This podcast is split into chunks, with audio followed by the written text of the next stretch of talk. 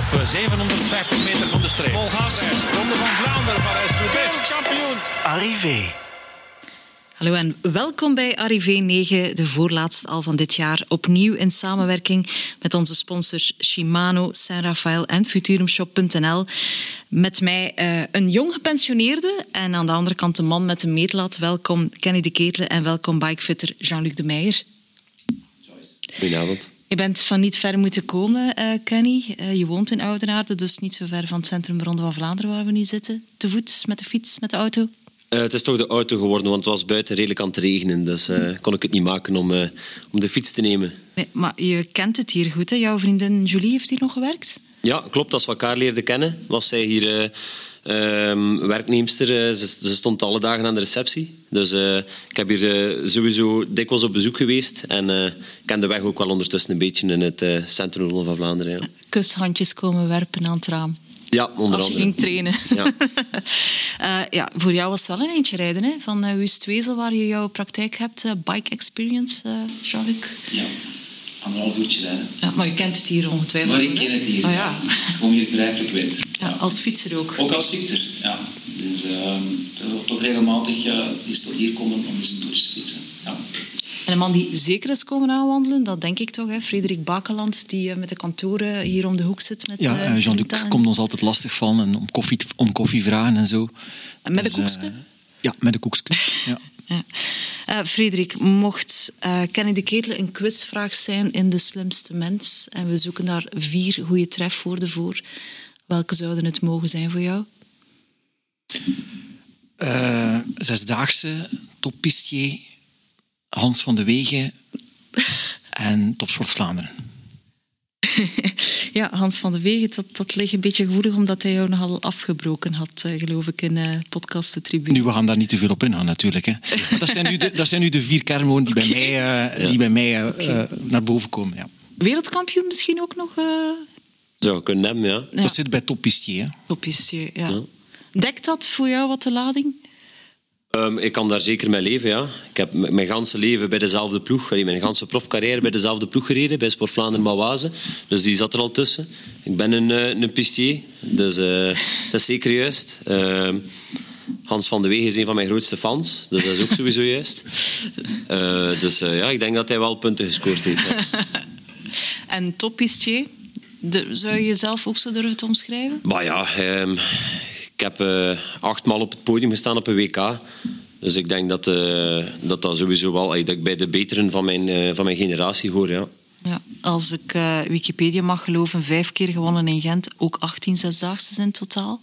Uh, ja, ik, ik heb ergens 21, maar het is moeilijk bij te houden. Omdat hier en daar hebben ze de zesdaagse uh, teruggeschroefd naar vierdaagse of driedaagse. Om een beetje um, ja, budget te sparen. Om de zaal minder lang te moeten huren en zo. Dus uh, dat was het begin van een beetje teleurgang van het aantal zesdaagse op een winter. natuurlijk, als je de vierdaagse niet meerekent, kan mm. ik misschien wel inbeelden dat ik op 18 ergens kom. Ja, maar uiteindelijk is dat maar een, een lucratief cijfer. Um, het is gewoon de, de beleving uh, erachter en um, dat ik er veel gewonnen heb. Uh, ik heb vooral heel veel zesdaagses met verschillende partners gewonnen. Dat vind ik ergens ook wel speciaal. Want ik woon nu in Gent met Robbe terug, de tweede maal op rij. En dat was eigenlijk maar de tweede zesdaagse dat ik won met Robbe. En hij is de tweede uh, renner met wie ik meer dan één zesdaagse gewonnen heb. Dus met Moreno won ik er denk ik een stuk of acht, negen misschien. En al de rest was met uh, andere uh, renners waarmee, waarmee, ik allemaal één zesdaagse won. Dus dat is toch uh, speciaal, ja. ja. Maar eigenlijk is Kenny daar dus totaal niet mee bezig, want hij heeft denk ik honderden medailles of zo gewonnen. Die liggen allemaal bij zijn tweede vader, tussen aanhalingstekens, Eddie Verbust, verzamelaar uit de Pinten. Hij zit daar in een grote kast. maar dus daar al zijn truien en zo, allemaal voor Eddie. Ja, alles dat ik ooit aangehad heb, ligt daar in de kast, ja. Maar moeten we niet vertellen dat er bij jou thuis niks ligt? Heel weinig. Maar de originele podiumtrui van het WK. Hè? Ja, ingekaderd door Eddy met de medaille erbij, een fotootje erbij. Die heb ik wel. Ik heb ook nog wel een Europees kampioenentrui, denk ik. De laatste, die, die uh, van Glasgow 18. Uh, en verder, ik heb onlangs nog uh, een hoop medailles en trofeeën afgezet bij Eddy, dus je gaat echt, echt weinig vinden bij ons thuis. Ja, in de schaal van de zesdaagse nu, ja, klopt, die, die, uh, die staat er wel. Dat is wel een heel mooi, heel mooi werk. Ja. Ik herinner mij de podcast met Museu, die zei van ik heb zoveel weggegeven, ik heb bijna niks meer en ik heb er nu wel spijt van. Let op, hè. Wel, ehm, dat was eigenlijk ook Eddie zijn insteek. Hij zei van, kijk, bij mij worden uw, uw trofeeën, uw medailles, uw truien, ze worden gezien. Ik laat ze zien aan mensen die het museum komen bezoeken.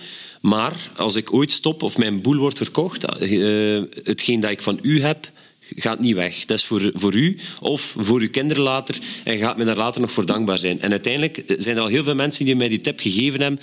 Op dat gebied kan ik op mijn twee oren slapen. Ik heb eigenlijk zo goed als alles nog. Ja. Overschat de waarde van wieler memorabilia niet, maar onderschat ze ook niet. Nee, nee. Maar ja, anderzijds moet je dan misschien binnen twintig jaar op uh, tweedehandsites veel geld gaan bieden voor je eigen spullen. Hè.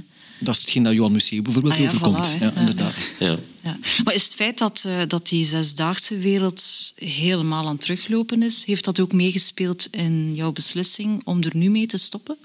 Um, dat was een van de uh, argumenten die ik wel kan aanhalen. Ja. Um, uiteindelijk heb ik wel um, mijn contract bij de ploeg.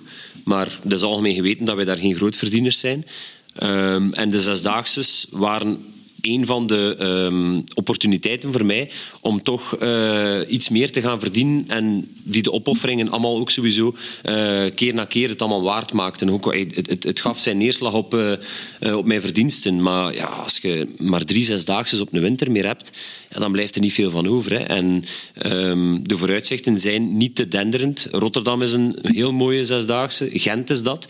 Maar daarnaast ja, is, is het echt gewoon heel triestig. Hè. Bremen is weer geannuleerd. Berlijn zou teruggaan na drie dagen. Dus dat is, ja, dat is allemaal niet goed. Hè. Ja.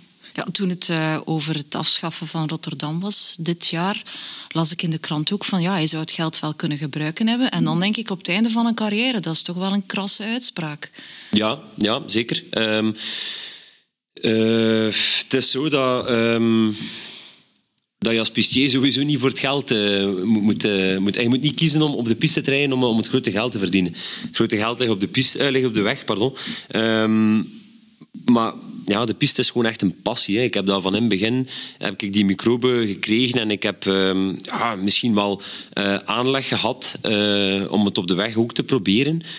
ik denk zelf dat ik een goede knecht zou kunnen geweest zijn. Maar ja, ik, kan dat ook niet 100% staven. Ik heb dat nooit echt, eh, echt gedaan. Ik heb altijd mijn hart gevolgd en, en dat leidde altijd terug naar de piste. En als ik nu, eh, zoals ik die laatste weken een rondrijden heb in het Kuipke, ah, dat is voor mij gewoon alles waard. Dat, is, dat, omvat gewoon alles wat, wat mij uh, ooit heeft doen kiezen om, om, om, om wielrenner te worden. Als ik daar zelf als kind zat, had ik daar zo'n verwachtingen van. Wel, die weken in, in het Kuipke, die lossen dat gewoon 100% in. Maar toch dat pensioenfeestje, niet weten of dat die laatste dag in Gent ook effectief je laatste dag is. Hopen dat het in Rotterdam dan de, de grand finale zal zijn.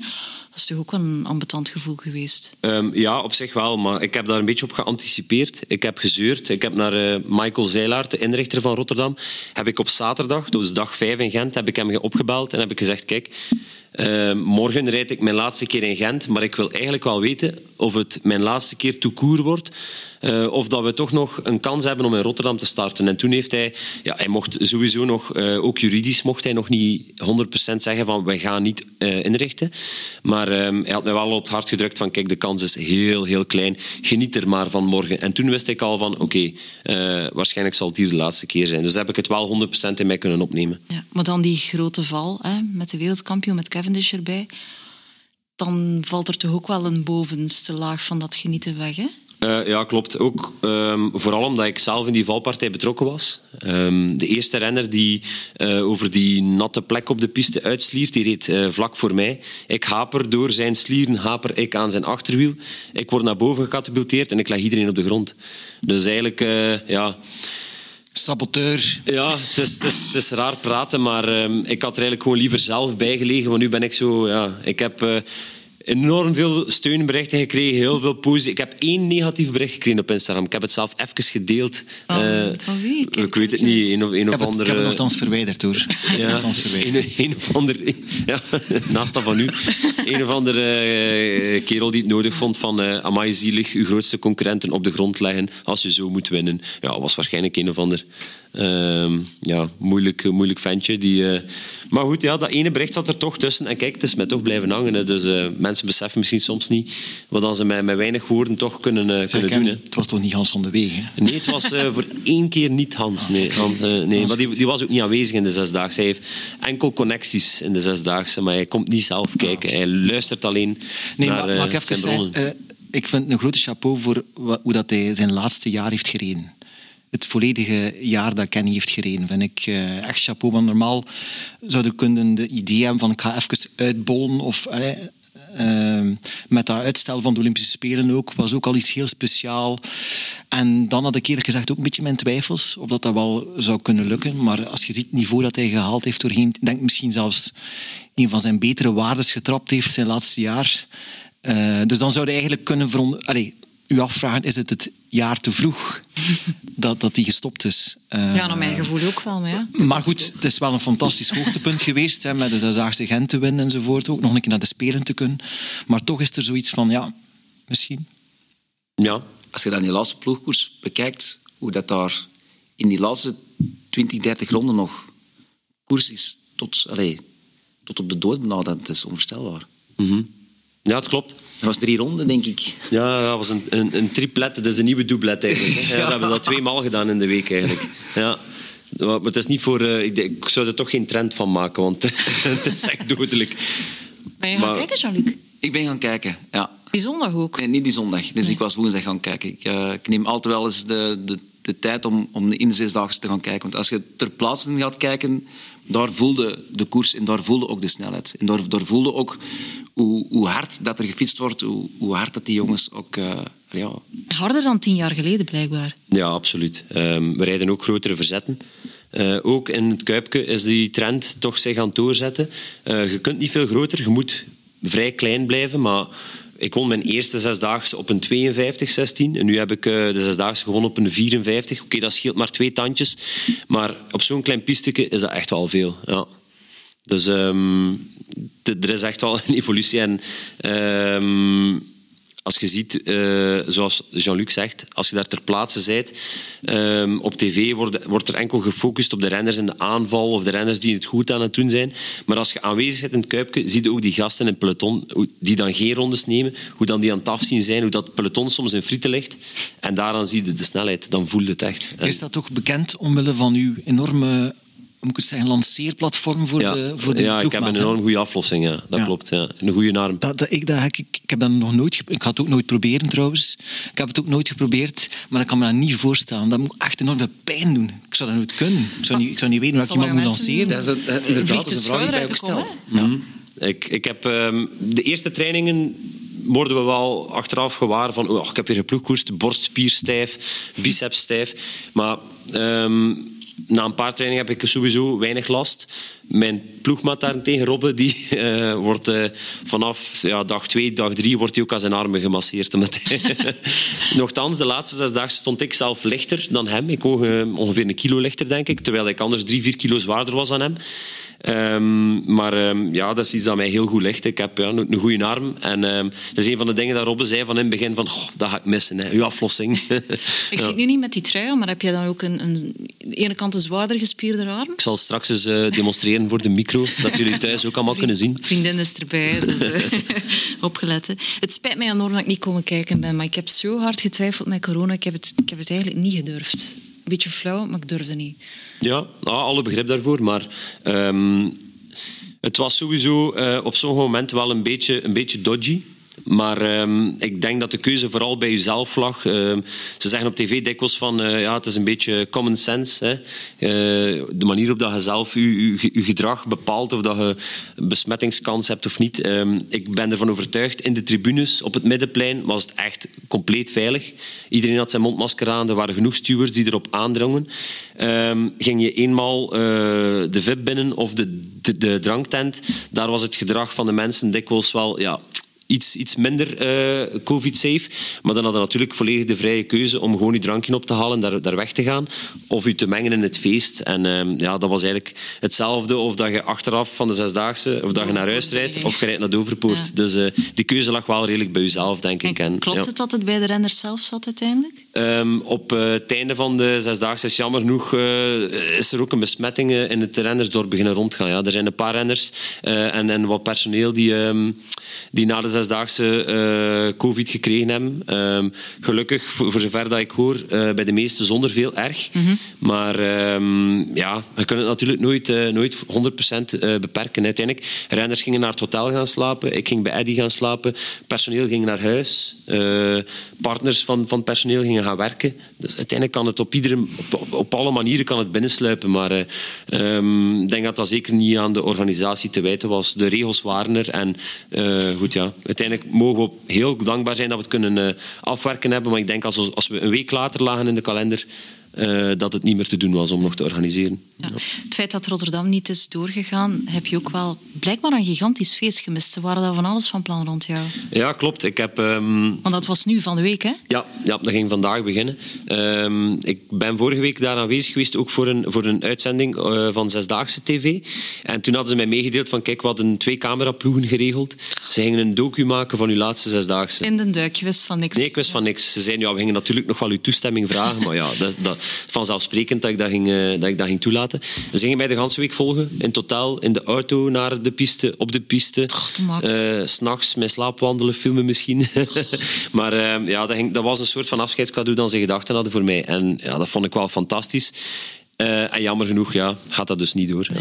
Ook een, eh, een schoon nieuw kledingsetje door de neus geboord gezien daardoor. Ja, klopt. Eh Nicky Terpstra ging mij een beetje eh, uitrusten. Hij heeft een, een prachtig kledingmerk, Speed on Wheels, die volgens mij te verkrijgen is bij een van jullie partners. Futurum Shop. Ja, ja exact. Ehm, dus ehm, ja, hij had mij ondertussen al mijn adres gevraagd en het pakketje lag klaar om op te sturen, maar ik vrees dat Nicky eh, het uiteindelijk ook Ja. geannuleerd heeft. Eh, ja, met, met alle begrip natuurlijk, maar... eh, ja, Het dat ligt zeker aan Niki en niet aan Futurum Shop. Ja, voilà. Want die leveren supersnel. Maar je hebt ook camera's achter je, achter je kont gehad eh, in, in Ja. Gent, hè? Ja, dat Voor wel. televisie volgend jaar. Ja, volgend jaar komt er een documentaire. Eh, van het productiehuis van eh, Erik Hoens. Dus eh, wel echt een een heel toffe band. Het was heel leuk om samen te werken. Dus op zich ga ik wel van mijn laatste zesdaagse redelijk wat beeldmateriaal hebben. Want ze hebben, ze hebben alle facetten van de zesdaagse sowieso even meegenomen. Ze zijn bij Eddie thuis geweest. Ze hebben mijn massage bij Tino hebben ze gefilmd. de massagetafel. Ja, ja, toch wel. Ehm, ze hebben backstage gefilmd, ze hebben in de, in de kotjes gefilmd, ja, sowieso de actie op de piste. Ze hebben mijn kinderen en mijn vriendin hebben ze, hebben ze gefilmd. En ze gaan nog heel veel meer doen. Het gaat niet alleen om mij natuurlijk, maar ze halen er sowieso enkele, enkele ehm, ja, zesdaagse dragers uit. Eh, volgend jaar gaan ze veel intensiever Ilio volgen, dat weet ik al. Dus ehm, ik denk dat dat wel, eh, wel heel mooi zal worden. En dat is naar eh, gelegenheid van de 100, 100 jaar zesdaagse. Want het is, eh, nu was het de 80ste editie, volgend jaar is het 100 jaar Ja. zesdaagse Gent. Stilgelegen door brand en oorlogen en dat soort, Ja, ja, ja. soort zaken. Hoe, hoe zie je dat zelf, Kenny? Ik wil zeggen, uiteindelijk ben jij een van de laatste echte pistiers die, die al op de piste zit. Eh, hoe, dat dat in, hoe gaat dat in... Dat is een vraag die ik mij stel als ik daar dan kom kijken. Ik wil zeggen, hoe gaat dat verder evolueren, denk je? Ja, dat is, dat is eigenlijk wel een goede vraag. Ehm, ik, ik weet dat niet 100%. Ik weet wel dat er renners zijn, zoals een Jules Hesters, een uh, Tuur Dens, die, ehm, die echt wel ehm, een voorbeeld willen nemen naar mijn carrière, die dat ook echt willen doen. Ehm Robbe Gijs, Lindsay de Vilder, Fabio van den Bossen, die mannen die hebben ook echt wel veel in hun om op de, op de weg uh, meer te gaan doen. En ik vind het ook geen domme beslissing om dat er uh, uh, niet zomaar nonchalant bij te pakken en niet enkel als voorbereiding te zien zoals ik deed, omdat het inderdaad, ja, er komen veel minder zesdaagses, maar ik hoop dat dat weer kan, uh, kan herop, uh, heropleven. Dat we weer naar een winter mogen gaan met toch ja, zeven, acht, zesdaagses. Een stuk of drie in, uh, in Duitsland. één of twee in België, misschien met de nieuwe piste in Heus de Zolder. Dat we dat ook van de grond kunnen krijgen. Um, een paar in Nederland. En um, ja, dan... dan zou het wel weer mogelijk zijn dat dat zesdaagse ras weer, weer kan bovenkomen. Maar ik, ik, denk dat ik misschien wel een van de laatste ben op dit moment. Ja. er zijn natuurlijk ook niet alleen de zesdaagse. Hè. Het zijn ook de Nee, absoluut niet. Je hebt de grote kampioenschappen. Ja, maar die zijn, ook, die zijn veel beter te, te combineren met die wegcampagne. Omdat die ook echt over die grote verzetten gaan. Die grote inhoud, grote, grote motor aanspreken en zo. Um, en in zesdaagse is toch een, een, een ja, meer specifiek werk. Ja. Om door te gaan op de vraag van, van Jean-Luc. Uh, jij, groot publiekstrekker, Ilio. Jullie brengen een pakje volk mee. Hè? Wat na volgend jaar? Wie staat er klaar om daar de nieuwe keizer of koning te worden? Wat na Etienne de Wilde? Vroegen de mensen zich vroeger af. Dus nu zeggen we wat na Kenny en Ilio. Ah, die mannen zijn allemaal klaar. Uh, het zijn ook, Jules Hesters is van Gent, uh, Otto Vergaarde woont in Melle.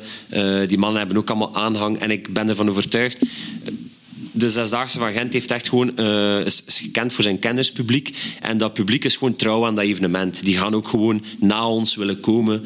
Um, en het is gewoon aan die jongens om, om, om, om diezelfde um, entertainmentwaarde sportief gezien te kunnen brengen. Hè. En ik denk wel dat dat, dat, dat wel... Oké, dat zal ook wel zijn evolutie meemaken. En dat zal misschien um, op een andere manier gaan gebeuren. Maar het is gewoon als die renners hun eigenheid kunnen steken in een wedstrijd en dat elke renner zijn eigen karakter kan, kan uh, tentoonstellen in, in die wedstrijd. Zoals, ik was meer een, een vechter, een knokker. Ilio is een, een, een, flyer, een die het heeft van zijn prikken en zijn, en zijn, zijn flitsen.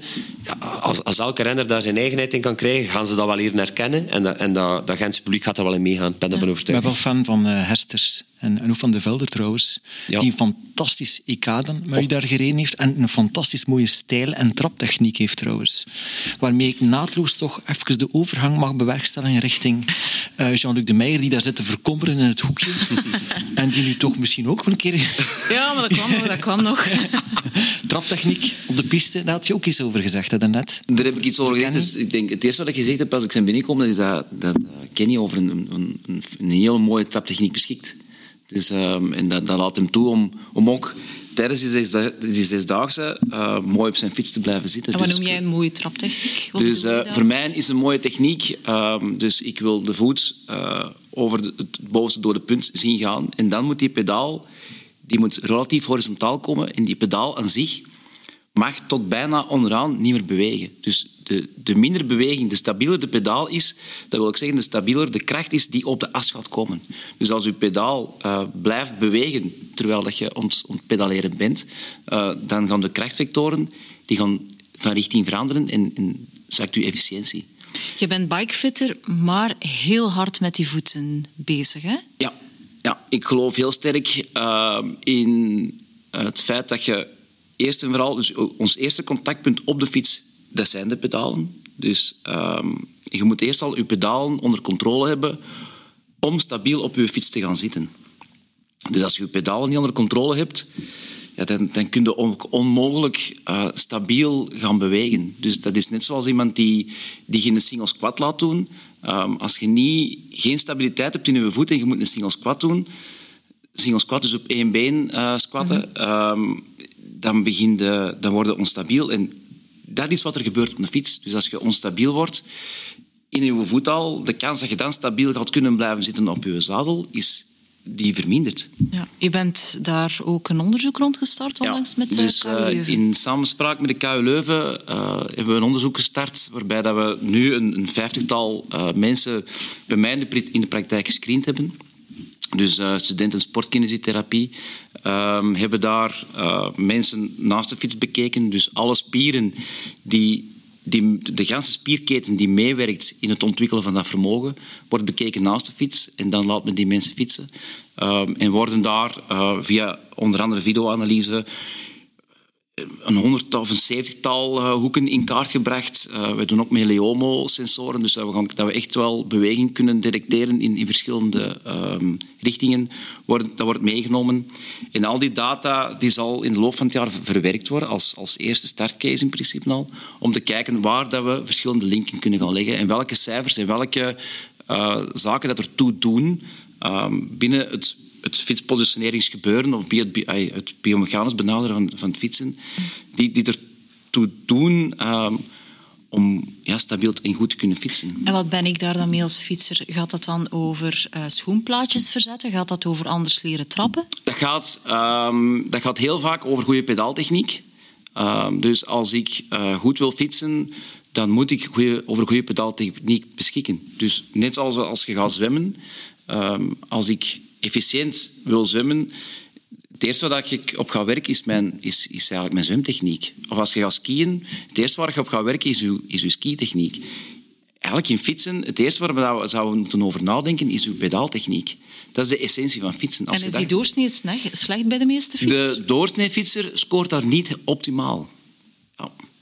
Dus, en de reden daarvoor is dat um, we, we, zijn op een gegeven moment drie jaar en ze halen de wieltjes van onze fiets. En wij bewegen voort met de fiets. En iedereen zegt van, die kan fietsen. Maar eigenlijk kan dat kind op dat moment vooruitkomen met de fiets zonder te vallen. Dus het, het effectief goed pedaleren is op dat moment nog niet aanwezig. En, en is dat, er een verschil zou... tussen wielertoeristen en profs? Nee. nee. Ook profs met een slechte techniek? Ook profs met een slechte techniek. Bijvoorbeeld? Uh, wie zie je namen. uh, ik denk het beste voorbeeld, Peter Sagan. Ja, maar oké, die heeft... Die... Peter Sagan die, die fietst met zijn hielen ja. compleet omhoog. Ja, dat klopt. Ja, dat trekt is... enorm hard aan zijn pedalen, zit altijd vooraan op zijn zadel. Uh, dus het wil niet zeggen dat je slechte techniek hebt, dat je geen resultaten kunt boeken. Maar wat dat wel is, waar ik wel van overtuigd ben, dat is als je over slechte techniek beschikt, dat je, dat je zeker fietsklachten zult hebben. Zoals? Zadelklachten, uh, slapende handen, nekklachten, al dat soort zaken zal zeker voorkomen. Wattageverlies? 100% zeker, ja. Dus uh, als, als je over slechte techniek beschikt, uh, gaan de spieren die eigenlijk moeten ervoor gaan zorgen om je vermogen te leveren, die gaan maar deels aangesproken worden. Dus als ik te, te veel energie in mijn trekbeweging ga steken, dan ga ik in mijn trekbeweging een aantal spieren activeren die eigenlijk actief zouden moeten zijn in mijn duurfase. En alle spieren die werken op de fiets hebben een fase van arbeid en een fase van herstel. Als, ik dat, als je tegen dat principe gaat zondigen, dan ga je sowieso in moeten op, eh, op je efficiëntie. Ja. Zie jij vaak mensen in het peloton rondrijden met een slechte traptechniek? Let je daarop? Uh, nee, ik let daar niet op. Wat ik wel uh, eigenlijk al heel tijd in mijn hoofd heb, wat ik wou zeggen. Ja? Ik uh, ben al 21 jaar aan het fietsen echt als vergunninghouder, hè, van uh, Nieuweling tot, tot waar ik nu gekomen ben. En in die 21 jaar op mijn eigen mentor na, dus iemand uit mijn eigen entourage, is er nog nooit iemand die mij aangesproken heeft over het feit van let op dit, let op dat. Het is mij nooit aangeleerd. Er, er is ook in de ploegen is daar niemand mee bezig, of toch niet op de manier, gelijk dat Jean-Luc dat hier nu aan het vertellen is. Dus ik heb echt wel uh, het idee dat, dat er hier nog uh, zoveel winst te boeken valt. Um, dus we gaan dat hier nu proberen een, een, een exclusiviteitscontract over te tekenen. uh, dat we die know-how kunnen, kunnen hier houden. Hè. Ja, ja als coach, hè, Kenny? Misschien, ja, bijvoorbeeld. Maar je werkt ook met profploegen, toch? Hè? Ik werk met profploegen, en ja. Zijn, uh, welke dan? Zijn uh, ik, doe, ik heb consultingwerk gedaan voor uh, Jumbo-Visma, ja? uh, Trek Segafredo. Dus, en ik doe uh, ik werk voor, voor veel renners individueel ook. Dus ik zie renners eigenlijk, als je de Belgische ploegen bekijkt, van, van alle ploegen zie ik, ik renners bij mij thuis op consult komen. En dringt dat daardoor? Um, bij mij thuis wel. Dus dat wil zeggen, uh, fietsers, of wat dat nu profrenners zijn of ze zijn gewone fietsers, die bij mij in de praktijk komen, dat zijn mensen die komen om een probleem opgelost te zien. Dus die komen voor een verandering. Het is helemaal anders als je uh, als consultant bij, bij een profploeg op een stage terechtkomt. Uh, de meeste van die renners zijn daar niet op zoek naar een verandering. Die, die willen soms wel een, een oplossing van hun probleem, maar die willen liefst zo weinig mogelijk veranderen aan hun fiets. En als ze al iets veranderen aan de fiets, dan zullen ze dat zelf wel doen. Dus dat, is, dat, is de, dat is wat leeft. Stel dat we daar ook zouden op ingrijpen, op dat niveau. Um, een andere manier van pedaleren vraagt andere aansturing van spieren kan dan gebeuren dat je denkt van ja, maar ik voel... Dus dat, wordt, dat is, de, dat is, de, dat is de, de feedback die vaak... Maar ik voel iets anders. Uiteraard voel je iets anders, want je beweegt anders. Maar anders voelen wordt heel snel geassocieerd aan dit zal slechter gaan. Dus als ik te hoger het niveau of de, de, de meer kilometers op de teller, uh, ik, zal, ik, zal, het zo zeggen, dus, uh, bijvoorbeeld uh, profrenners doen, doen 20, 30.000 kilometer per jaar en als zo'n profrenner al, al vijf jaar dat op een foute manier doet, ja, daar is wel wat extra meer begeleiding voor nodig. En er moet extra tijd in geïnvesteerd worden om, om die terug op dat goede pad te krijgen. Maar ja. zulke zaken kunnen leiden, en dat zie je ook wel bij profs gebeuren, uh, door fout aansturen van spieren. Uh, rugklachten zijn heel vaak terug te herleiden tot een foutief aansturen van spieren. Ik wil het parallel trekken met uh, looptechniek, want daar wordt bij lopers enorm veel op ingezet. Hè. Uh, echt een andere loopstijl, andere knieën, de voeten anders neerzetten. En daar is de, ja, de opbouw dan van korte afstanden en geleidelijk aan verder opbouwen. Dat is hallucinant dat dat dus in het fietsen bijna niet gebeurt. Dus, want de, de opdracht die ik uh, ook meegeef daar, dus ik wil zeggen, in, in fietsen is het uiteindelijk, wat wordt er gezegd? Je moet cadans maken. Dus je moet zo hoog mogelijk omwentelingen maken. Maar als je iets wilt leren, en of dat nu skiën is, of dat is zwemmen of een andere sport, dan moet je heel, starten met je beweging heel traag te doen, met een lage intensiteit. En dan moet je je intensiteit gaan opdrijven en je bewegingen sneller beginnen doen. Dus ik, zulke mensen bij wie dat helemaal fout zit, krijgen van mij ook een trainingsschema mee. Dus dat wil zeggen, die laat ik vijf minuten aan 50, 60 omwentelingen uh, pedaleren, maar wel aan een laag vermogen. Ja. Zodanig dat ze effectief... Als je zes weken voor een klassieker staat, dan nee, is dat you can forget it. Doen, ja. Dus het is nu, nu de moment om dat te doen. Ja. Ja. Ik heb vandaag nog een, een, een Nederlandse uh, profielrenster zo gezien, uh, met een aantal klachten op de fiets. En bij mij in de praktijk, die winst aan vermogen was, was echt groot. Uh, en ook de, de, dus zij had een zadelprobleem, dus ze had heel veel problemen vooraan op de zadel. Um, dus we hebben er hard aan gewerkt om, om dat terug in orde te krijgen. Dus de winst die ze daar voelde was enorm. Natuurlijk, morgen gaat zij buiten fietsen. Um, als zij dan een duurtraining van vier uur gaat doen, dan gaat zij niet blij zijn, want zij gaat voelen die die benen gaan verzuren. Dus, uh, dus ik heb ook met haar coach al contact gehad, dus de, de training is voor haar... Is het goed geweest? Uh, uh, nee, het is een... Het is een, een um, Ilse Pluimers, een, jonge prof die twee jaar geleden um, Europees kampioen is geweest bij de junioren. En haar weg gaat zitten, maar hetgeen wat ik vandaag gezien heb om vermogen, vermoed ik wel dat dat een, een, een serieus talent zal zijn. Ja. Over uh, zitproblemen, zitvlakproblemen dan gesproken. Dat is bij pistjes vaak een nog groter probleem dan op de weg. Um, ja, ik denk zeker um, als het over zesdaagses gaat. Um, omdat je toch, ja, als je nu de, de het Kuipje neemt in Gent, je hebt daar dat luik dat je ja, duizend keer per avond, dat is misschien overdreven, maar uh, het zal toch uh, richting de 4000 keer op een zesdaagse zijn, dat je toch iedere keer over dat luik moet gaan. Ze hebben dat dit jaar wel mooi aangepast. Het was sowieso veel beter, maar het blijft een oneffenheid. Hè. En je, rijdt ja, uren aan een stuk. Um, in dat, in dat, in dat kuipje.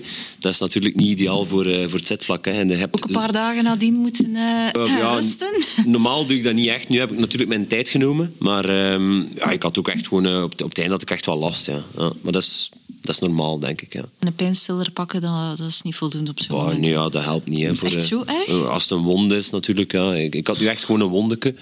Dus uh, dat is gewoon zo lang mogelijk uitstellen om er iets aan te doen. En de laatste dag, de finale dag, was gewoon uh, pijnstillende zalf. En, en hoeveel uh, van het peloton rijden er dan in het Kuipje rond met problemen?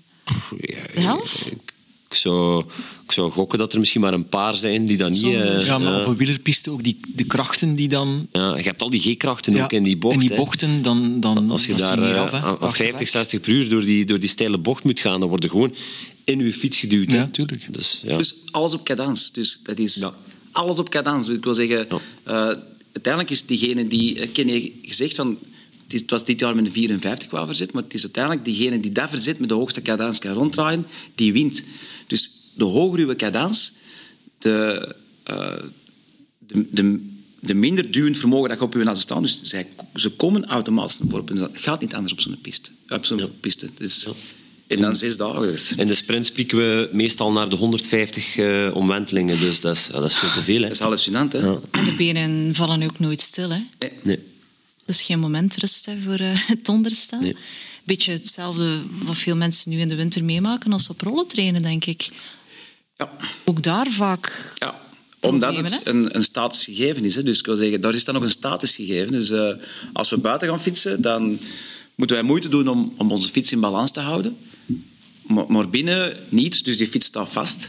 Dus ons brein schakelt dat systeem van, van balanceren schakelt dat ook uit. Dus wij gaan ook veel meer statisch dan zitten. En als je dan fout begint, uh, als je dan niet goed ontduwen bent, ja, dan krijg je veel sneller problemen. Hè. Ja.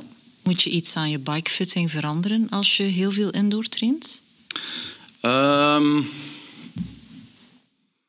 dat is een goede vraag omdat je zegt, je zit daar ook wel iets anders Eigenlijk, als je indoor traint, het is, het is uw moment eh, om bezig te zijn met, met eigenlijk... De, de, dus als je indoor traint, duurvermogen indoor trainen is sowieso een heel moeilijke. Dus het is uw moment om, om bijvoorbeeld met techniek bezig te zijn. Dus je hebt een aantal trainers uh, waarbij dat jij een spinscan-analyse kunt doen. Dus begin daar al mee. Zorg dat je uw spinscan, dus, uh, dus die, die bekende apennoot, zoals ze zeggen, ja. dat die al in orde is. Links en rechts, links en rechts. die in beeld komen. Ja. Um, en dat, dat, dat, dat je daar al op gaat werken. Dat je al zeker weet, oké, ik heb mijn pedaal onder controle. Een belangrijke controlefactor kan zijn, uh, weet ik eigenlijk wel waar mijn schoenplaatje staat. Dus iemand die zijn pedalen goed onder controle heeft, weet perfect waar zijn plaatje staat, weet perfect waar zijn nas zit. Ja. Ik vermoed dat jij dat zult weten. Ja, denk het wel. Ja, maar dat is een vraag die je kunt stellen aan veel renners. Er zijn heel veel renners die niet gaan weten... Als je vraagt van waar staat uw nas, die, die niet weten waar uw nas staat. Ook veel wielertoeristen die op de piste rijden in de winter hè, als alternatieve training. Ja. Zit daar veel verschil in qua positie tussen een wegfiets en een pistefiets? Het gebruik is toch wel anders, vind ik persoonlijk. Oh, dus uh, dat gebruik is toch wel anders. Ja. ja de geometrie ook, denk ik. Ja. ja. Um, een wegfiets, uh, als je gewoon al kijkt naar de, de uh, maten die ze meegeven, meestal als je als, als uh, fietser een nieuwe fiets gaat aanschaffen, ga je gaan kijken van ja, ik ben zo groot, dus ik heb een 54 nodig of ik heb een 56 nodig. Op de piste kijken wij daar niet naar. Wij kijken enkel naar onze bovenbuis. Omdat wij, bij ons is aerodynamica het, het enige wat eigenlijk telt. Hoe hoog dat die kader komt, dat dat maakt ons echt niet uit. Dan stikt er gewoon een langere eh, zadelpen als dat nodig is. Maar die kader moet echt gewoon lang genoeg zijn, omdat we ook specifieke regels hebben van het maximum, uh, de maximumlengte dat je mag zitten met je stuur. Dus um, dat is een heel andere benadering sowieso van uh, fietspositie. Ja. Maar niet direct aangewezen voor wielertoeristen die het uh, een paar weken in de winter willen gaan uitproberen. Maar eerlijk gezegd, de piste duurt ook. Eh, die, die leent zich er ook niet toe om, om gewoon uren te gaan rondfietsen de piste moet je gebruiken om, om uh, voor kwaliteit uh, opwarmen, blokken afwerken, uitrijden, klaar. Daar dient de piste voor. Als je natuurlijk drie uur op die piste gaat gaan rondrijden, ik heb dat dikwijls al gezien. Er zijn mensen die doen, hè? Ja, ja ik, ik, in de winter zie je daar dikwijls profs, hè, die daar drie, vier uur ronddraaien. Ja, chapeau, maar wij doen dat nooit. Ja, ik, ik ken zotten die uh, tijdens Cycling for Life, dat is ons evenement op de piste, die dat twaalf uur aan stuk doen. Ja. Maxime. Uh, Maxime. Ja, Maxime Piraar, Anton. Uh, dus er zijn er een aantal die we zo kennen, die, die ja, dat is niet aangewezen. Ook een zalf. Ik denk ook dat dat goed is. Ik denk dat er serieuze zalf nodig is daar, ja. Serieuze ik denk dat dat goed is, de piste, om, om specifieke dingen te doen. Ja, absoluut. Ja. Dus... Um, ik denk ook dat, dat naar stuurgedrag leren positioneren, dat, dat een piste een fantastisch iets is. Ja, maar het is niet iedereen gegeven. Hè. En wielertoeristen is het is echt niet iedereen gegeven nee. om uh, op een piste te rijden. Omdat ja, je, je ja, er zit geen rem op. Hè. Ja. Dus je moet blijven trappen, je moet, ja. gaan, eh, je moet gaan dirigeren met die fiets. En, dat is, en, graag, en vaak uh, geraakt men in paniek bijna. En zeker als je in een pelotonnetje zit of iemand doet een rare beweging. En het, ja, bij wielertoeristen is dat zo. Hè. Dat is niet, zijn geen profs, dus... Uh, Nee, nee je, kunt niet, moeilijk, hè? je kunt niet naar een piste gaan um, zonder dat daar iemand bij staat die, die vertelt wat je moet doen en, en hoe dat werkt. Ja, en ook trouwens, een piste moet je ook ergens een beetje lezen. Mm -hmm. Je moet een piste ook gebruiken. Je hebt ook mensen die op een piste komen en die volle gas geven en blijven, blijven gas geven, blijven gas, terwijl dat je eigenlijk ook wel rustmomenten kunt inbouwen op bepaalde delen van de piste, op de vlakkere delen van de piste en zo. En die bochten gebruiken en dergelijke. Maar ja, dat gebeurt nog niet zo. Omdat, ja, het gebeurt ook niet zo vaak. er zijn ook weinig pistes, ook. weinig binnenpistes natuurlijk ook, mm -hmm. in Vlaanderen. Er komt er eentje bij, uh, inderdaad, in Zolder. Dus het is... Uh, ja, het is niet zo evident voor wielertoeristen. Nee. Je gaat blijven fietsen, ook op de piste? Um, Ja, ik denk het wel. Ik, uh, ik hoop toch een beetje in vorm te blijven. Um, het is ook de bedoeling om, om ja, ik zou graag ervaring doorgeven. En uh, als ik dan geroemd word voor mijn aflossing, zou ik dat eigenlijk wel graag uh, aan de jeugd ook gewoon correct aanleren. Want te veel zie ik dat er renners um, in de selectie door, doorcijpelen en als ze nog niet perfect kunnen aflossen. Of toch niet op de manier dat wij het doen en dat wij toch redelijk van overtuigd zijn um, dat het de beste manier is. Dus um, ja, niks beter dan gewoon in het veld tussen de, tussen de jongens het gewoon zo aan te leren. Ja. We weten intussen dat je bondscoach wil worden. Hè? Hoe ver staat het met die gesprekken? Ja, het staat, het staat redelijk gevorderd. Um, het is nog niet getekend, maar ja, ik heb er wel goede hoop in. Ja. En wat is jouw ambitie dan? Parijs 2024, mocht ik, is dat, uh, dat in de ja, mocht ik, mocht ik uh, een, een, functie krijgen die ik, uh, die ik ambieer, dan zou ik eigenlijk... Um, ik heb direct na Tokio die knop gedraaid van kijk, ik ga nooit een Olympische medaille winnen. Oké, okay, jammer. Dat, dat, dat, dat kwam keihard binnen. Maar ik heb wel direct gedacht, ik wil ze wel ooit winnen, al is het in een andere functie. Desnoods moet ik die renner zijn benen verzorgen, zijn valies dragen of zijn wielen steken. Dat kan me niet schelen, maar ik wil betrokken zijn bij een Olympische medaille. Ja.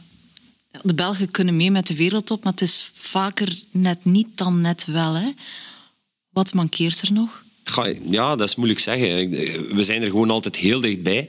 En het komt dan echt op, eh, op details aan. En... Um, ja, het laatste WK is dat wel allemaal mooi gelukt, op het EK ook. Uh, de Spelen was dan ja, op twee ronden van het dat we nog altijd brons in handen. Dus uh, dan komt het echt gewoon ja, op, op, op, ja, op, op, op wat komt het dan aan? Ik weet het niet. Uh, maar inderdaad, op de Spelen over alle disciplines gezien waren er veel te veel vierde en vijfde plaatsen.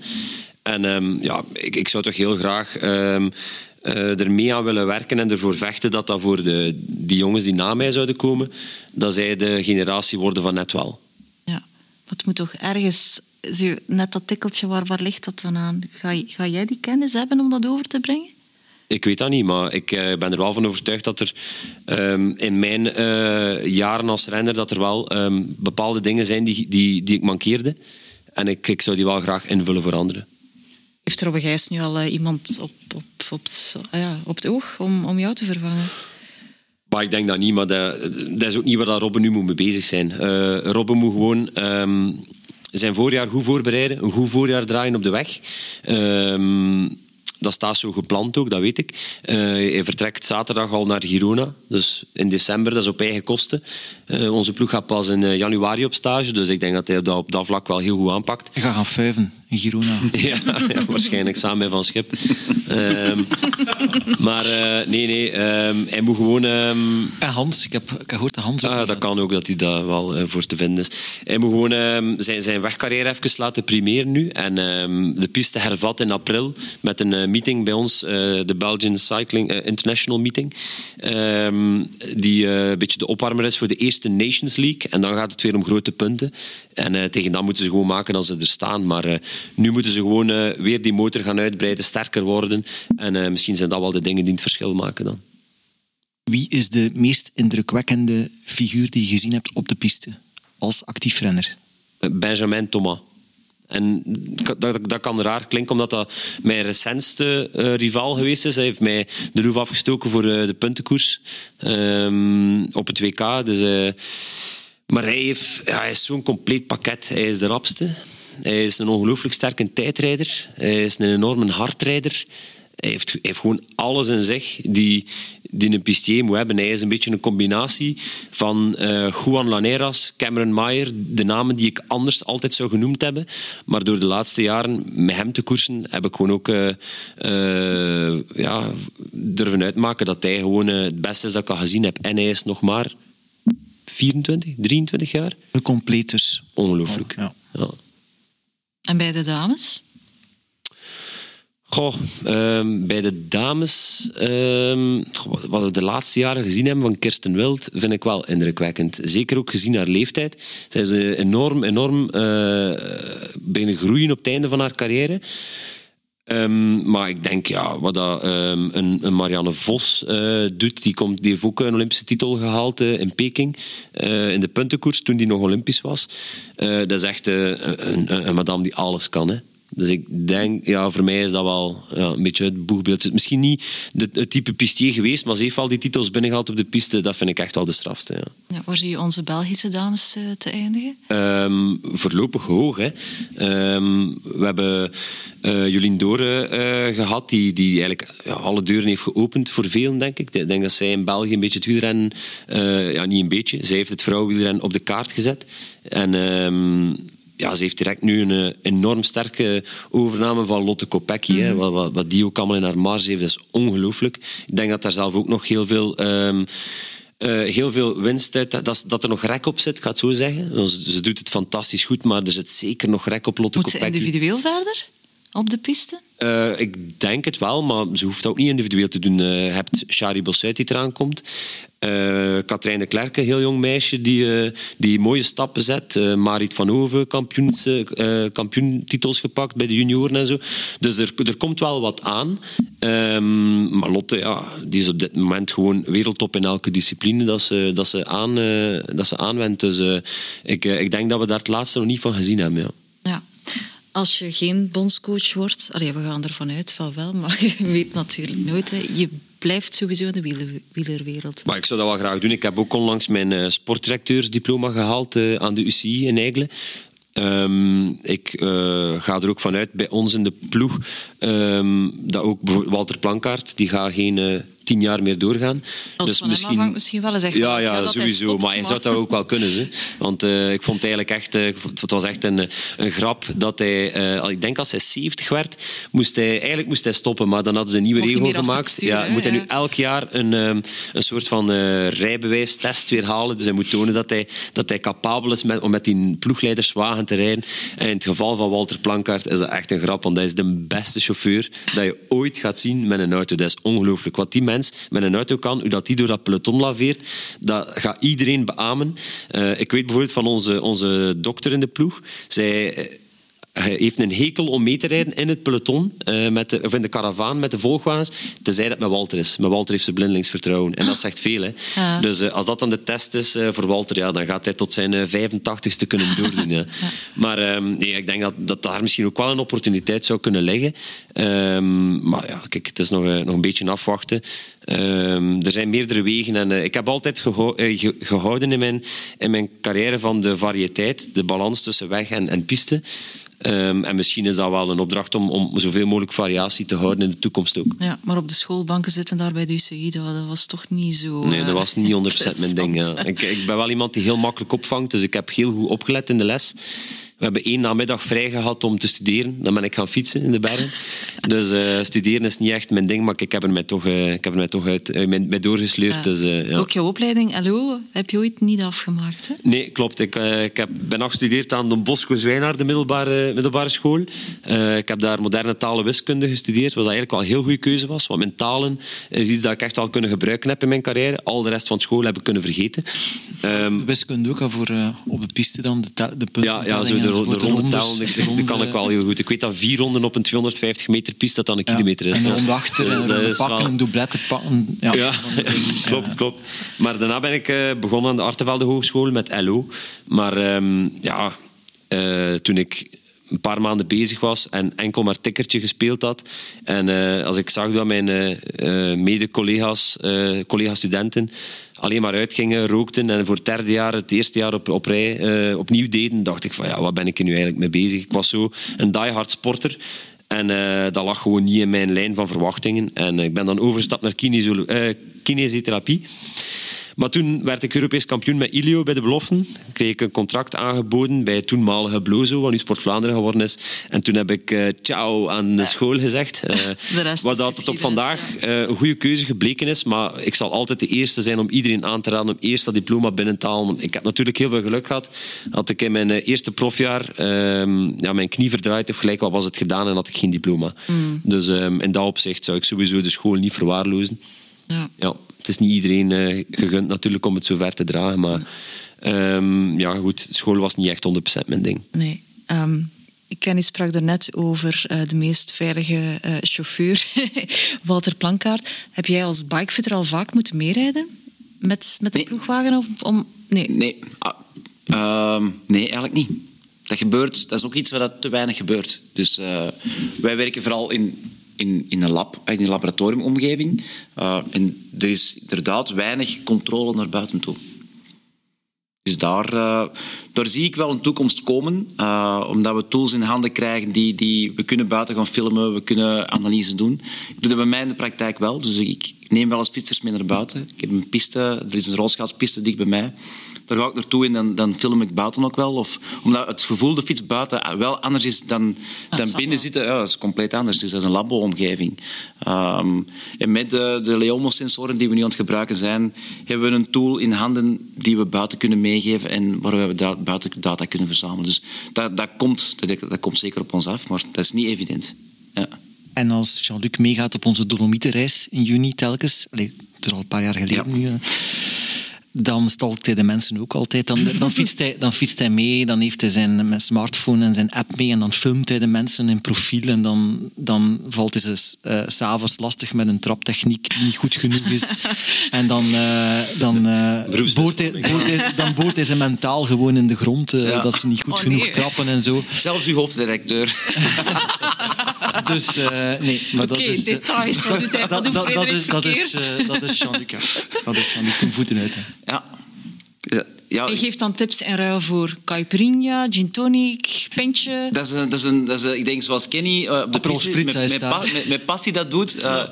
zo is het bij mij hetzelfde. Dus als ik, als ik naar, een, naar Enersweg ga kijken, uh, ik ben zaterdag nog in Boom de, de cross gaan kijken, dat, dat is een afwijking van mij. Dus ik, ik zal er altijd op letten... Um, hoe dat die techniek loopt. Uh, ik zal zaterdag bijvoorbeeld in Boom zeker gaan staan de plaats die, die het zwaarste is. Dus daar ga ik in de cross kijken. Um, omdat ik daar best kan zien, oké, okay, waar komt dat vermogen vandaan? Um, hoe zit je hier te pedaleren? Waar, waar liggen tekorten? Ik weet toch wie gewonnen heeft in Boom? Ik, ja, ik weet het, maar dat was, uh, dat was heel snel duidelijk. Dat was heel snel duidelijk, ja. ja. Dus, uh, ja. Benieuwd, benieuwd trouwens wat het in de sneeuw zal worden. Uh, we mogen niet te actueel zijn met deze podcast, maar nu zijn we toch een beetje actueel. Volgende zondag is het ja. uh, in, in, de sneeuw. Dat vind ik toch wel tof. vind het wel interessant uh, om te zien. Zo, dat een keer andere, die wereldbeker elke zondag eens wat anders en nu een keer in de sneeuw. Dat is toch al super lang geleden, eerlijk gezegd. Ja. Dus daar kijk ik ook wel naar uit. Niet kunnen inklikken omdat, dat, omdat die, die... Ah ja, ja. Bijvoorbeeld. Ja, bijvoorbeeld. bijvoorbeeld. dat is waar. Ja, bijvoorbeeld. Omdat het vol met sneeuw zit. Je geeft vaak workshops aan, aan mechaniciëns ook, hè? Uh, of, ja, of aan studenten. Ja. Was, ja. was dan de gouden raad waar je mee begint? Um, ja, zorg dat je het toestel dat voor je staat, dat fiets noemt, gebruikt wordt voor gemaakt is. Dus fiets is een fiets is gebouwd, een zadel staat altijd achter, um, achter uw as. Dus je moet duwen tegen je pedaal om fatsoenlijk op je zaal te zitten. Daar is het toestel voor gemaakt. Dan gaat ook je gewicht op de juiste plaats hebben zitten. Uh, gaat op eerst stabiel zijn op je fiets. Dus dat is, dat key. En, zorg dat, um, dat, uw, dat uw positie oké is. Dus ik wil zeggen dat, dat, uw, dat uw zaal op de juiste hoogte staat in basis, dat dat stuur op de juiste hoogte staat in basis. Maar zorg er wel dat, dat je je basis onder controle hebt. Dat je kunt op je, op, achteraan op je zaal kunt gaan zitten dat je dat allemaal kunt gebruiken. Nu zeg je het wel heel simplistisch, Jean-Luc. Maar uiteindelijk heb je wel, ik weet niet hoeveel uh, opleidingen gevolgd in Jawel. het buitenland ook ja. om, om bikefitter te kunnen zijn. Want er zijn heel veel mensen die zich geroepen voelen om bikefitter te zijn natuurlijk. Maar je moet wel weten wat voor advies dat je geeft. Ik denk dat ja. dat niet zo evident is. Nee, nee, nee. nee, nee. Uh... Het, is, het, is, uh, het, is, het is complexer dan dat. Ja. Dus ik ben redelijk de wereld rond geweest om om te staan waar ik nu sta. Ja, want ik ben eigenlijk initieel van opleiding in scheikunde, dus ik kom, ah. ja, ik kom uit een totaal, totaal ander iets. Uh, in de zin van, ik kom, als je, dus nu ben ik met menselijk lichaam bezig en vroeger was ik meer met scheikunde bezig, maar het blijft een labo-omgeving. Dus uh, het kunnen omgaan met meetdata, uh, al zulke zaken heb ik wel meegenomen uit mijn opleiding van vroeger. En dat is wel een belangrijk stuk in, in, in wat wij doen. Ook het wiskundig stuk. Dus ik wil zeggen, alles wat te maken heeft met, met, met geometrie, met, met goniometrie, dat, dat komt wel terug in, in, in hetgeen wat wij nu doen. Wat mij vaak opvalt is, um, gaan naar tien bikefitters. Ze hebben tien verschillende benaderingen. Het heeft ook vaak met, met vertrouwen te maken, met goed te kunnen uitleggen, met ja, ja. Ik, ik, Jean-Luc kan het goed uitleggen. Ja, Jean-Luc kan het goed ja, dat, dat, ja. Maar nee, daarvoor is een interessante er is, vraag. Er is, zo, er is geen ja, wel, gouden diploma van dat is de juiste werkwijze. Maar dat vind ik een interessante vraag, want bijvoorbeeld volgende week ga ik naar Specialized. Ja. Daar gaan ze mij ook een keer op die retool dingen zetten. Ehm, alsof dat ik mijn positie nu nog niet zou weten, vraag ik me dan af. want goed, een lichaam evolueert wel enzovoort, ik weet wel. Eh, maar eh, het is altijd toch uitkijken naar wat voor wijziging dat, dat... Wat gaan ze nu weer zeggen? Hè? De- Dat is, nee, maar nee, het Ja, is ja, wel zo. dat- hè. dat is dus je, ga, ja. ga- ga je naar tien verschillende bikefitters, ga je tien vers, Allee, dat gaat niet zoveel... De essentie gaat wel kloppen, hè, maar toch... De, ehm, wat ik daarop kan zeggen, dat is als je naar een bikefiets gaat, eh, uiteindelijk hoe dat je op je fiets zult terechtkomen, eh, dat heeft, wacht, je hebt positie, dat wil zeggen, dat is de plaats waar alles staat. Dus de meeste bikefitters zijn wel onderlegd om dat goed te doen. Hoe doen ze dat, of hoe doen wij dat? Daar gebruiken wij videoanalyse voor, of een retro-systeem. Zulke systemen worden daarvoor gebruikt. Dus daar worden hoeken gemeten, klaar. Zadelstuur, Zadelstuur, alles wordt goed gezet. Ehm, dan gaat het over naar het volgende stuk, en dat, dat is biomechanica. Dat wil zeggen, hoe ga ik hier mijn vermogen ontwikkelen en welke spieren ga ik aansturen? Of welke spier moet aangestuurd worden, worden niet aangestuurd of fout aangestuurd? Dus dat is de volgende stap. En dat stukje wordt soms vergeten. Dat wordt nogal vaak vergeten. En dat is in, in hetgeen wat wij doen, is dat, dat is key. Dus het, het, ik merk heel vaak ook dat als, ik, als iemand bij mij komt, uh, ik start met, met een basisanalyse. Dus ik, ik film al, zonder dat ik daar, daar markers of zo op hang, maar dat de mensen toch al zien, oké, zo beweeg ik op mijn fiets. En dan merken we wel vaak dat de basispositie waar die in zitten, dat die wel vaak oké is. Alleen het is de manier van, van, van zitten, van kunnen uh, uw fiets handelen, die daar fout loopt. En daar moet je denk ik als, voor dat tweede deel is de expertise van een bikefitter heel, heel, van groot belang. Dan moet hij al heel veel casussen gezien hebben, vind ik. En moet hij toch al heel veel uh, bagage hebben om te kunnen inschatten wat er werkt voor die personen. En dan moet er ook feedback komen van de, van de fietser zelf die daar op, de, op dat toestel zit of op zijn ja. fiets zit. Dat is ook niet evident. Hè? Ik heb zo vorige week ook nog... Uh, dus ik geef ook bijscholing aan, aan andere bikefitters. Uh, en dat is, dat, is, dat is vaak één op één, dus dat, dat zijn privébijscholingen. En ik had vorige week ook nog, iemand die, die zei... Ja, hij was ook geleerd, je moet bij je fietser staan, je moet luisteren naar de feedback van je fietser. Het probleem is dat een fietser kan alleen zeggen, dit voelt goed of dit voelt niet goed. Dus, en de essentie is um, om de vragen te stellen die ertoe doen. Dus als ik een vraag stel, dan zal ik een heel doelbewuste vraag stellen. Bijvoorbeeld, voelde jij die spier nu werken?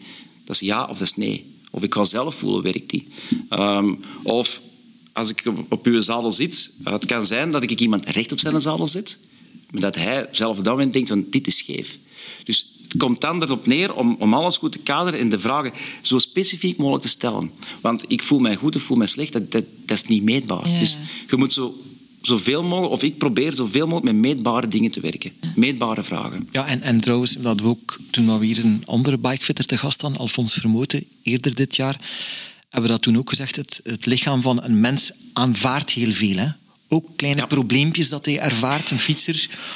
Die, die, die, ziet dat niet als een probleem. Mm -hmm. Slapende hand of zo. Men, men, men, men, vindt dat allemaal maar normaal en, enzovoort. Dus ja, is part of the game. Ja, en het is niet zo natuurlijk. Als je, ik heb nu mijn, toevallig mijn iPad niet bij, maar als ik bijvoorbeeld uh, bij, bij een ploeg op consult kom, um, ben ik vooral geïnteresseerd in de achterkant. Dus dan ga ik gewoon kijken en ik film gewoon, oké, hoe zit die op hun zaal? Je zou het verbaasd zijn hoeveel renners dat dus scheef op hun fiets zitten.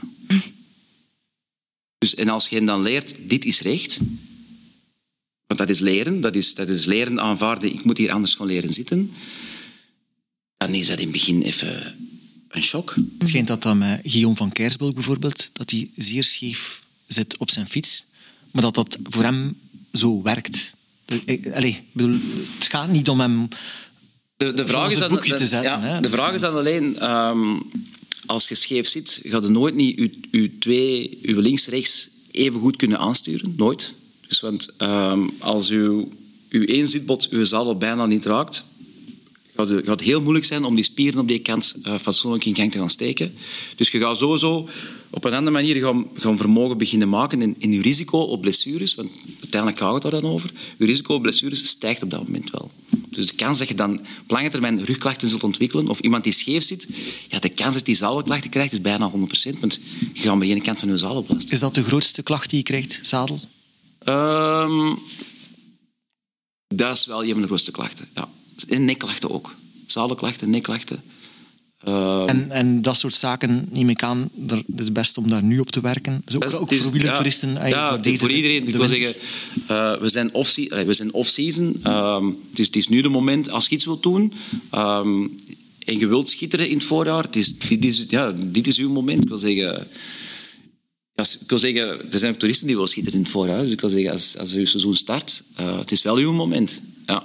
Uh, een, ander, uh, een ander probleem is dat heel veel fietsers tegenwoordig heel veel verschillende fietsen hebben. Ik heb er zelf ook een stuk of acht, denk ik. Ja.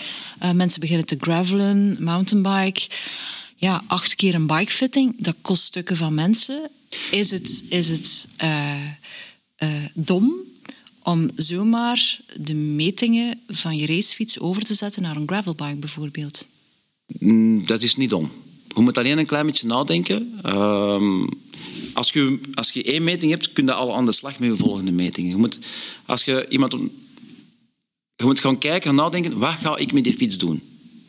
Dus um, als ik op de weg ga rijden, dan, oké, okay, dan wil ik uiteindelijk snel fietsen. Uh, en ik ga ik dat, dat toestel besturen door met massa te gaan spelen. Dus mijn sturend vermogen mag iets minder zijn. Als ik met een mountainbike zit, heb ik veel meer sturend vermogen nodig. Dus, iets korter gaan zitten dan? Hoger. Dat wil zeggen dat je je massa op je fiets moet gaan, gaan, gaan uh, op een andere manier gaan. Dus de meer massa ik naar voren breng op mijn fiets, de minder goed dat ik kan sturen. Dus het beste voorbeeld daarvan dat zijn triatleten. Die leggen al hun massa op de voorkant van hun fiets, of bijna al hun massa. Maar die moeten niet sturen. Want er zitten een paar bochten in dat, in dat, in dat rijk. Dus dat speelt eigenlijk geen rol. Uh, dus die kunnen al hun massa ook over hun as brengen. Maar dus de meer sturend vermogen dat je nodig hebt, ja, de meer massa dat je naar de achterkant moet gaan moeten brengen. Dus dat, dat gaat je bijvoorbeeld doen door je zalenpositie iets te verlagen. Maar met iets bedoel ik echt, dan spreek ik over millimeters. Um, maar vooral door, door je stuur hoger te brengen of in, in je massa wat meer naar achter te brengen, zodanig bijvoorbeeld een mountainbike dat je tractie hebt. Dus als jij met een mountainbike aan het rijden bent, ja, het moment dat jij duwt, moet jij tractie hebben. Dus die, die band moet, moet grip hebben. Ja, dan moet uw massa ook echt aan op je fiets zijn.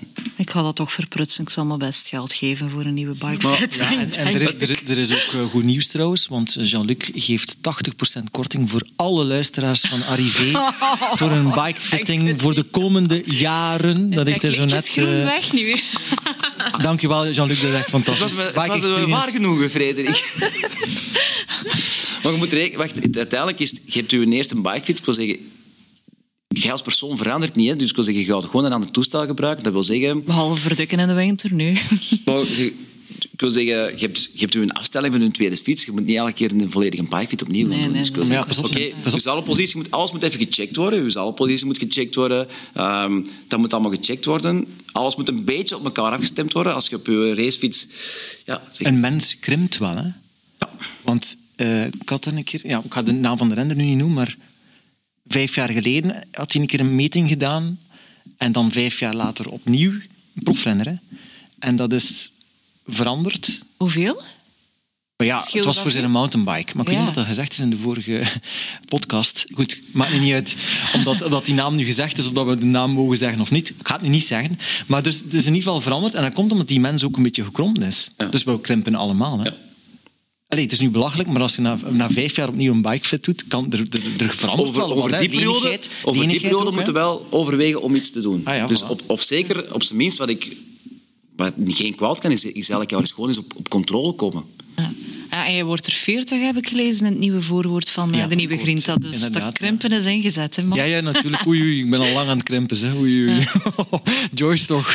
Ik ben al een tijd bezig aan het krimpen hoor. Ja, nee, nee. Natuurlijk die ene bikefit morgens gedaan heb. En die andere een bikefit doet de s'avonds. Dat is ook waar. Ja, maar ja. Ja, ja. Nee, nee. Details. Ja, maar dat klopt. Zullen we eens over 2022 beginnen? Jij bent uh, volle bak bezig met Virofolies, hè? Ja, dat, dat uh, echt Gaat wel, dat zeker door? Het gaat zeker door, ja. Tenzij dat er nog een, uh, iets, iets gek gebeurt. Maar uh, ik denk wel uh, dat het doorgaat. Heeft... En al nieuwigheden ontdekt? Al In de nieuw... welke zin? Van standen of van... Wel, wij maken met, met Grinta Publicaties maken wij de, de catalogus. Al, al heel lang trouwens, al meer dan tien jaar maken we de catalogus voor de beurs. Dus we hebben we zitten op de voorste rij om te weten wat de standhouders zijn. We zijn zelf ook standhouder natuurlijk. Uh, hal 1, stand nummer 137. 14, 15 en 16 januari. Um, maar dus we, zijn, we hebben gezien wat die catalogus heeft, is, is aangedikt geweest en wat er, er zijn een aantal annulaties geweest van standhouders natuurlijk. Hè. Mhm. Bijvoorbeeld grote merken zoals uh, Trek, Merida en Specialized zullen er niet zijn. Niet? Niet zijn. Maar er zijn natuurlijk wel andere grote merken die er nog wel zijn. Hè. Eh, en die nemen het risico niet. Die annuleren omdat ze bang zijn dat er te weinig ja, volk zal komen? Dat, dat is om verschillende redenen. Dat heeft te maken met, met de context, met de perceptie misschien ook om daar te staan als merk in deze periode. Heeft ook te maken met schaarste van onderdelen, schaarste van fietsen. Wat kunnen we tonen? Is, heeft het nut om te komen in deze context waarbij dat men mogelijk ook minder bezoekers verwacht op de beurs? Kan ook zijn dat het tegendeel gebeurt. Het kan zijn dat de mensen nog altijd goesting hebben, heel veel goesting hebben om te komen.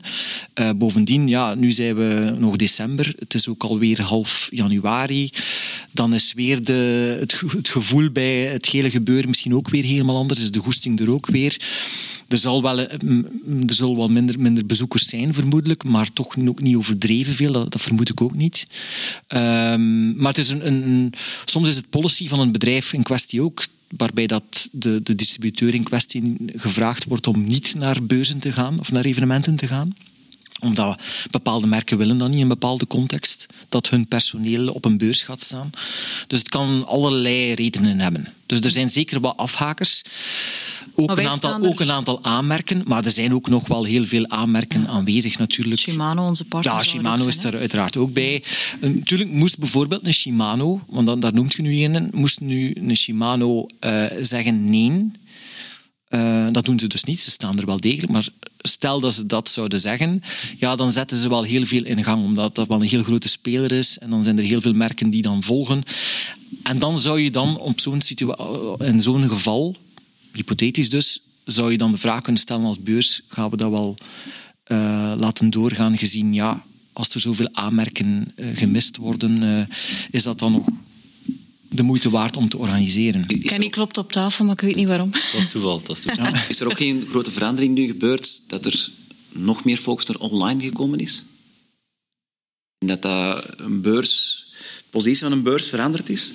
ik denk dat mensen nog heel graag naar, naar, eh, naar zo'n evenement gaan. Het is de, het is de grootste beurs van de Benelux. De grootste fietsbeurs. En als, het geen, als er hier in Vlaanderen geen fietsbeurs van dat kaliber kan, kan zijn, dan, dan zou ik niet weten waar het kan zijn. Dus oké, nu gaan ze... Normaal zitten ze daar over de 40 44, ik weet niet hoeveel, 1000, 44.000 of 40.000 eh, bezoekers op die drie dagen. Uh, ja, nu zal het wel een stukje minder zijn, maar maar ik vermoed dat er toch nog heel veel volk naar die beurs. En het kan veilig, blijkbaar. Uh, dus uh, het is met mondmaskerplicht zal er zijn. Uh, het zal met het COVID-safe-ticket zijn. En, en, Kunnen we een flesje Saint-Raphaël kraken, ons huisapperitief op de beurs? Nee, want Saint-Raphaël heeft ook beslist om niet te komen naar, naar de beurs. Omwille van... Ja, oké. Okay, twee weken geleden was het ook alweer anders dan, dan nu. Maar op een bepaald moment moet je als merk een beslissing nemen uh, om op een beurs te staan of niet. Maar bon, toch nog de moeite om, om wel te gaan. Hè? Nou. Ja, ik vind dat wel. Wij staan er ook. Ja, dus dat is um, zeker de moeite. 2022, ook nog een paar vragen voor, voor Kenny. Aan wiens zijde moet Ilio volgend jaar de Gentse Zesdaagse rijden om te kunnen winnen? Um, ik denk als hij uh, ja, wil aan, aanspraak maken om te winnen, denk dat hij ja, toch zeker een Michael Morkov of zo zal nodig hebben. Uh, niet om te zeggen dat hij zelf uh, niet goed genoeg meer is, maar we hebben wel geleerd uit de laatste twee edities dat het uh, met, met Mark Cavendish, uh, alle respect, maar ehm, jullie heeft ook zelf aangegeven dat hij niet getraind toekomt zoals hij getraind toekomt in de, in de Ronde van Frankrijk. een Morkov is daar heel anders in. Um, en hij is een beetje aan hetzelfde lot verbonden zoals ik. ik rij altijd met iemand uit, uit mijn eigen ploeg. En van sinds de, de Wolfpack ook uh, een ploeg heeft rondrijden, want zo noemt de gesponsorde ploeg nu in de Zesdaagse, uh, is, hij ook, uh, is, is zijn lot ook verbonden aan een ploegmaat. Dus ik denk dat dat wel de beste optie zou zijn. Ja. ja. 2022 voor jou persoonlijk. In welke film ga je acteren? Goh, Heb je al aanbiedingen alle- gekregen nee, niks, na jouw niks? Ik denk dat ik, eh, dat ik iets anders ga moeten bedenken, want eh, nee, ik krijg, ik krijg niks binnen. Maar Je meent het echt ja, wel, ik meen dat echt, ja. Je wil acteren. Ik, ik zou dat graag eens willen proberen. Eh, als ze mij zeggen van, kijk, je hebt er echt totaal geen aanleg voor of we zien niks in nu. Maar ik zou gewoon de kans willen krijgen, ja. Ah, Er moet toch bij ons ook een mogelijkheid zijn. Hè? Met, met ons eh, videoplatform van Grinta zou, zouden we hem niet kunnen laten figureren in een of ander filmpje? Moet ik erover nadenken. Als dat mogelijk is om, mij te, om, om mijn stem te dubben, dan kunnen wij zelf in een musical inschakelen. Hè? Want zelf zingen is moeilijk. Maar er zijn zoveel Een mogelijkheden. sexy Deutsch accent. Uh, zum Beispiel. Ja. Nee, maar ik heb wel echt eh, ik heb iets voor Vlaamse televisie. En ehm, eh, ik weet als, als, als er kinderen aanwezig zijn, ben ik altijd een nozelaar die, al de, die, die, die begint te spelen met, met, met mijn zoon of met, met, met een kindje dat ik ken. En eh, binnen de kortste tijden hang- hangt heel die nest aan, aan, aan mij. Eh, en dan ja, ben ik ook op maar rolletjes aan het spelen. Dus Dus toch eerder richting Studio 100. goh, ja, misschien. Waarom niet? Ja, waarom niet? Je had, mis- ja, je had- maar ja, je had misschien het, eh, het derde kadrietje kunnen zijn. Hè? Je had Ja. moeten meedoen. Hè? Is Ja. nog blond? Nog niet? Is nog niet blond? De show was net te vroeg. Ja. Had nu volgend jaar geweest, had meegeschreven. Ja. Er komt ooit nog wel een opnieuwe K2 zoekt K3. Dan is de tijd misschien wel rijp voor een man. Hè? Ja, nee, maar ehm, dan zijn we weer aan het afdwalen naar het, het grappige. Hè. Het is dus echt serieus, hè. Oké, dat is duidelijk. En wat brengt eh, 2022 voor jou, Jean-Luc? Ehm, denk, Een nieuwe Dolomiti Experience met Grinta ja, in juni? als ik mee mag, hè. Nou, deze keer gaat het toch moeten betalen. hè. Niet te mogen eerst gedaan om eh, de mecenas uit te hangen. Hè? Ja, en als hij te veel in mijn wiel hangt en te veel naar mijn kont krijgt, Ja, dan... jij, eh, jij denkt dat je ook mee mag. Hè? Oeh. Ik wacht nog altijd op het antwoord van eh, Jolien Doren. Eh, Ik heb nog nooit de Dolomieten gezien. ja, kijk, nog, Kijk, nog, een kandidaat. We gaan geen plaats meer hebben voor Als lezers ik moet den naar, naar die hoteleigenaars daar, dat ze een paar kamers nog vrijmaken.